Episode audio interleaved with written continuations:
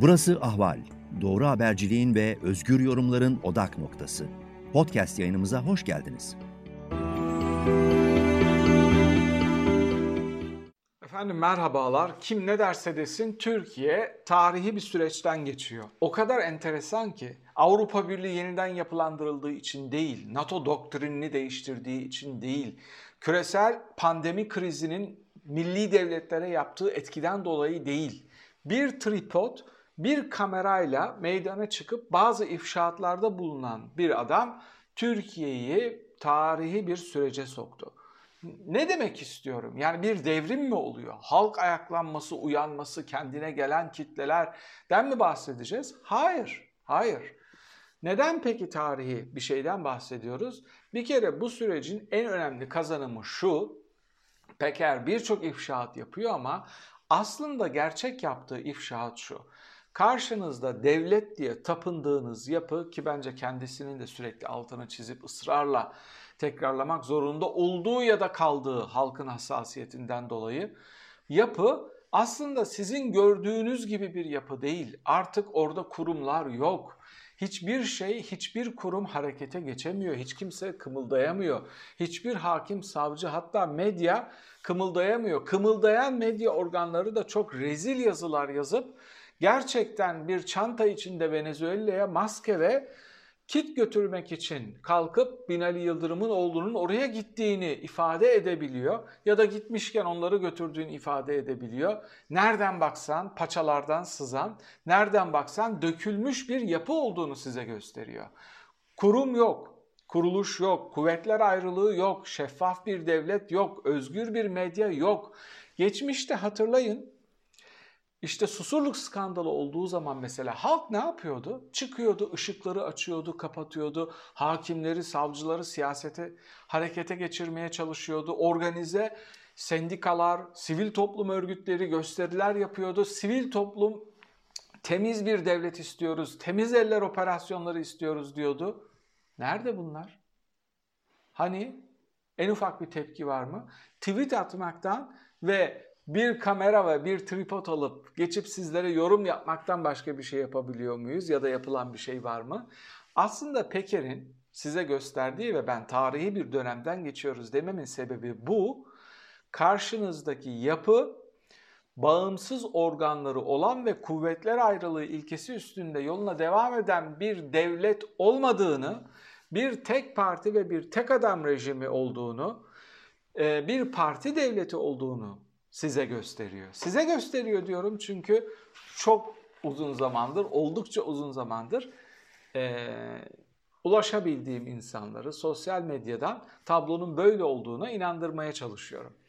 Şimdi iki tür insan var karşımızda. Peker ifşaatları karşısında tepki veren. Birincisi diyor ki e, efendim işte bunlar doğru olabilir ama bir mafya babasına mı inanacağız?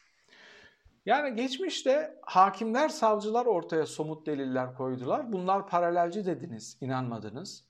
Bakın orada kişisel bir doğru tespit yapmış, kısmen doğru tespit yapmış ve doğru bir yerde durup kritik yapıyor olabilirsiniz. Bu insanlar organize bir yapıyla ilintileri var. Onunla yüzleşeceksin bak. Onunla ayrı yüzleşmen gerekiyordu. Ama bu tarafta somut deliller var. Somut deliller varken ben iktidarı tercih ederim deyip kıbleni oraya dönemezsin. İkisiyle de yüzleşmen gerekiyordu. Bence ikisi arasında tercih yapmak zorunda yapsam ben seçilmiş iktidarı tercih ederim diyenler bir kelime oyunu yaptılar ve sorumluluk almaktan, risk almaktan kaçındılar. Sonuç olarak devletten atılan bakıyoruz işte insan sayısına yüzde iki buçuk, üç gibi bir insan atılmış. E yüzde 98'i oradaydı devlet kurumlarının, farklı fraksiyonlarının. O grupla da yüzleşseydiniz, varsa suçları onları da yargılasaydınız, bağlantılarını ortaya koysaydınız, bu bir kolaycılıktı. Yani paşam şimdi çıkıp diyorsun ki, bu mafya babasına mı inanacağız? E savcıyı beğenmedin. Mafya babasını beğenmiyorsun. Yani ne isterdiniz, ne verelim abimize? Şimdi bu saatten sonra hiçbir savcı hakim Zaten 17-25 akabinde söylemiştim. Bundan sonra hiçbir savcı, hakim, polis çıkıp dünyayı götürse siyasiler kılını kıpırdatmaz, kıpırdatamaz. Peki ne olacak sizin haliniz? Yani Bundan sonra, bundan sonra sandık haricinde önünüzde en ufak bir seçim ihtimali kalmadı, bir değişim ihtimali kalmadı, kurum kalmadı. E bir mafya babasının dediklerine mi inanacağız? Nasıl yapacaksınız? Kime inanacaksınız? Bir aktör mü kaldı? Bu süreci kalkıp sırtlayıp yüzleşecek, risk alacak bir sivil toplum ya da bir sendika mı kaldı? Bir medya organı mı kaldı? İşte kalan medya organlarının yazdığı yazıları görüyorsunuz. Ortaya koydukları performansları görüyorsunuz.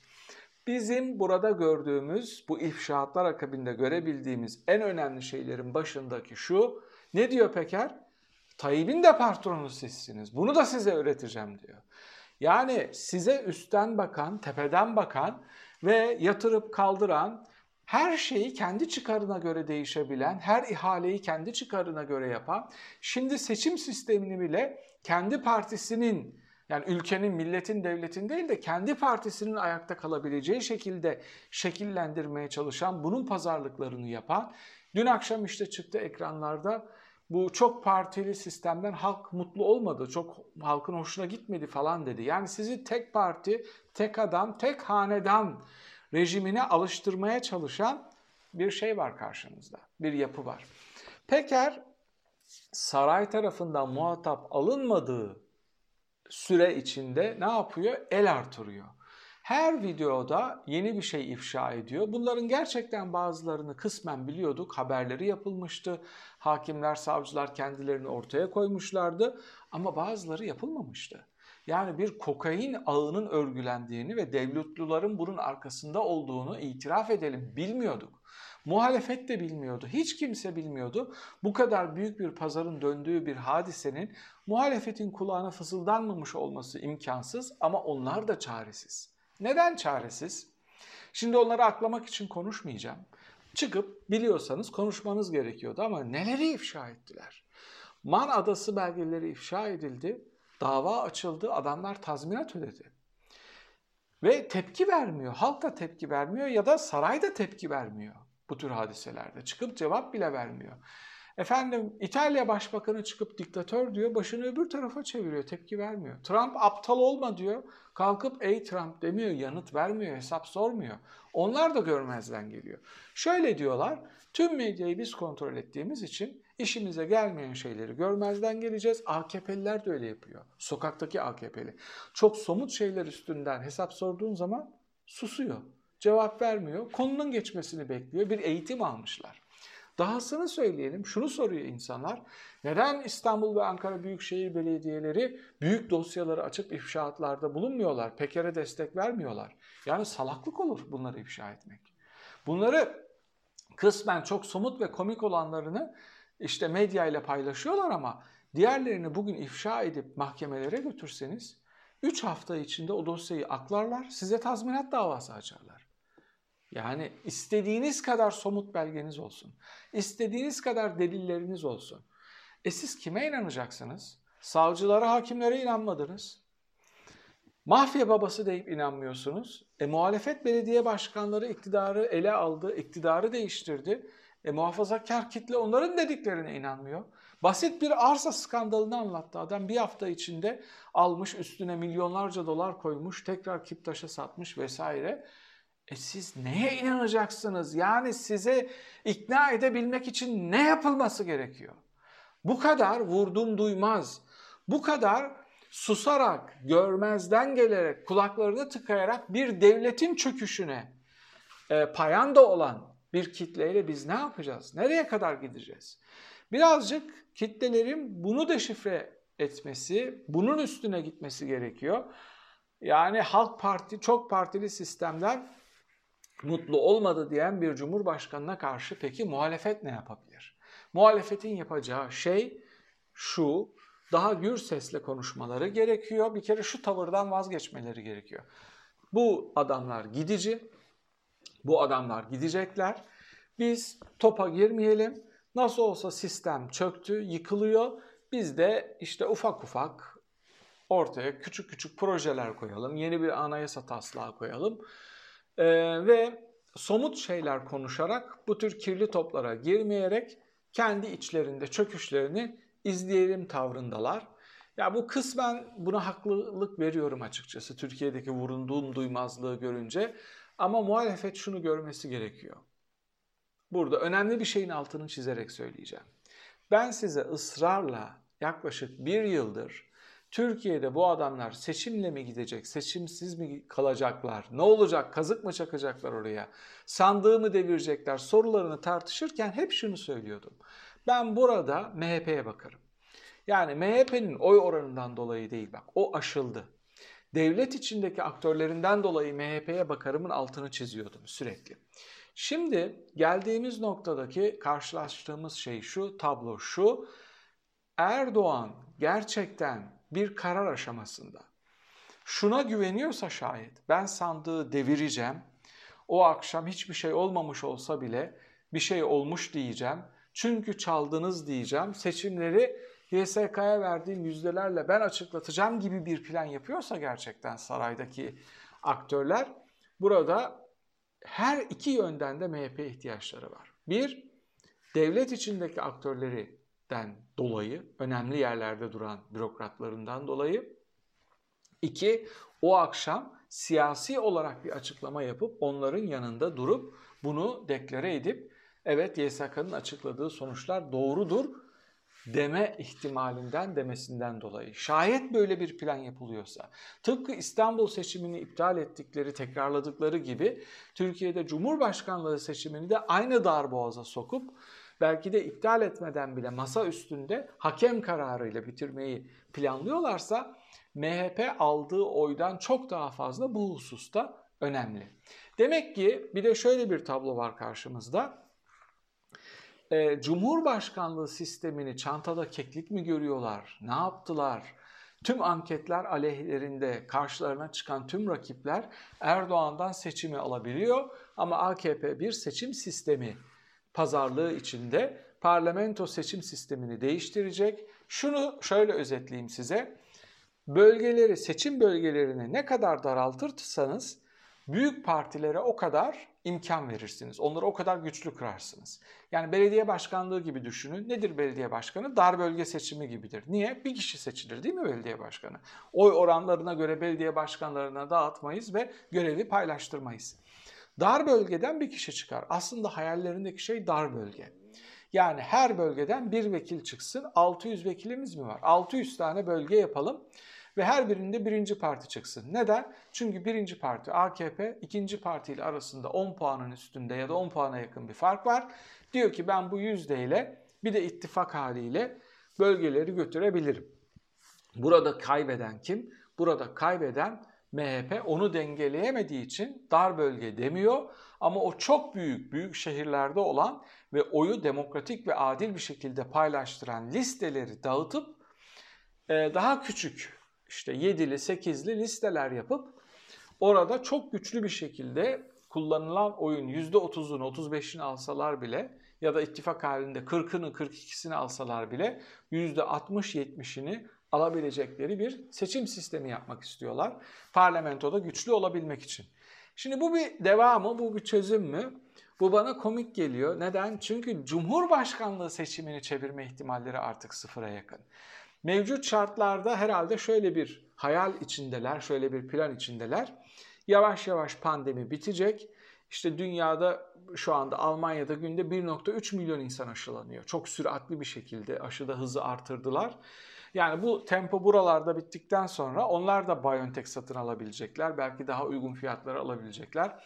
Onlar da önümüzdeki yıl aşılamaları artırıp şöyle bir plan yapıyorlar. Esnafın tekrar dükkanını açarsak hala yaşayabilen, ayakta kalabilen esnaf kaldıysa işte onlar hayatı normalleştikleri zaman bu günleri unuturlar. Biz onları tekrar vurdu, kırdı, çata pata bir şeylerle tekrar gündemi değiştirir. Onları AKP'ye güvenlik politikalarına, kimlik siyasetine konsantre eder. Başörtüsü üstünden, din iman üstünden, Kürt sorunu ve milliyetçilik üstünden yine onların desteğini almayı biliriz. Muhalefete de siz PKK ile aynı saftasınız deriz. Çok sıkışırsak Öcalan'a bir mektup yazdırırız. Osman Öcalan'ı TRT'ye çıkartırız ama muhalefete PKK deriz ve yolumuza devam ederiz. Şimdi tüm bunların üstüne benim masamın üstünde görebildiğim en önemli soru tekrar ediyorum şudur. 1. MHP bu yükü ne kadar daha taşıyabilir? Artık çatırdayan, siyasi olarak iflas etmiş, ekonomik olarak bitmiş bu yapıyla yoluna devam etmek zorunda mı MHP?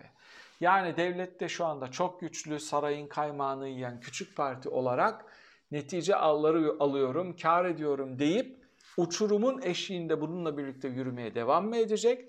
Yoksa bu uçurum çok tehlikeli olmaya başladı. Ben yolumu bu adamdan ayırıyorum mu diyecek. Bence Peker işte karar aşamasında olan MHP'nin bu sinir uçlarına atış yapıyor. O süreci hızlandırıyor ve MHP'nin karar vermek, onu karar vermek zorunda bırakıyor.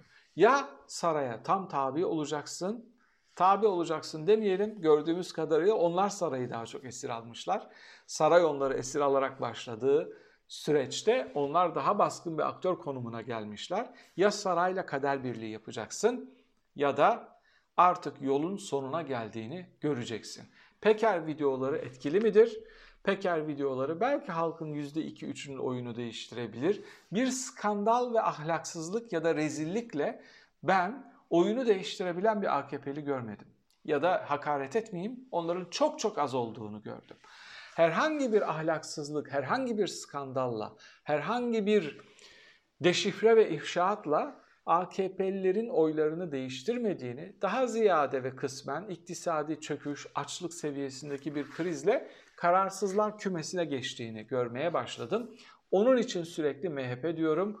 Bu iktidar oyununda ipi çekebilecek olan aktörün olduğunu görüyorum. Ve bilerek ya da bilmeyerek Peker'in doğrudan ya da dolaylı bu noktaya atış yapmaya başladığını gözlemlemeye başlıyorum. Neden Erdoğan karar aşamasında dedim? Eğer MHP'ye güvenirse yolun sonuna kadar onunla gidip devlet içindeki örgütlerine dokunmayacak, aktörlerine dokunmayacak ama bu atışlar sonrasında MHP'de bazı sendelemeler görürlerse ya da MHP ile e, meşru bir seçimi kazanamayacaklarını görürlerse yani meşru seçim dışına çıkamayacaklarına onlar da inanırlarsa MHP ile de yollarını ayırarak onları devletin içinden temizleyerek farklı bir yapılanmaya gitme ihtimallerinde deneyebilirler yaşayacakları çaresizliklere göre. Dolayısıyla Peker'in yayınları ve ifşaları etkisizdir diyenlere katılmıyorum. Bir kere bu kadar rezil açıklamalar yapmak zorunda bırakması, bu kadar rezil yazılar yapmak, yazmak, yazılmak zorunda bırakması bu ifşaatların çok etkili olduğunu gösteriyor. Ama asıl etkiyi, asıl etkiyi artık vuku bulmayan ve kuvvetler ayrılığı üst, ilkesi üstüne inşa edilmemiş olan tek parti devletinin, e, tek adam rejiminin kitleler tarafından görülmesini sağlamasıyla olacaktır. E, finali Peker'in videoları bu şekilde yapabilir. Bu hafta sizlere Peker'in yayınlarının doğrudan ya da dolaylı etkilerini izah etmeye çalıştım. Bir sonraki videoda tekrar birlikte olmak üzere efendim. Hoşçakalın.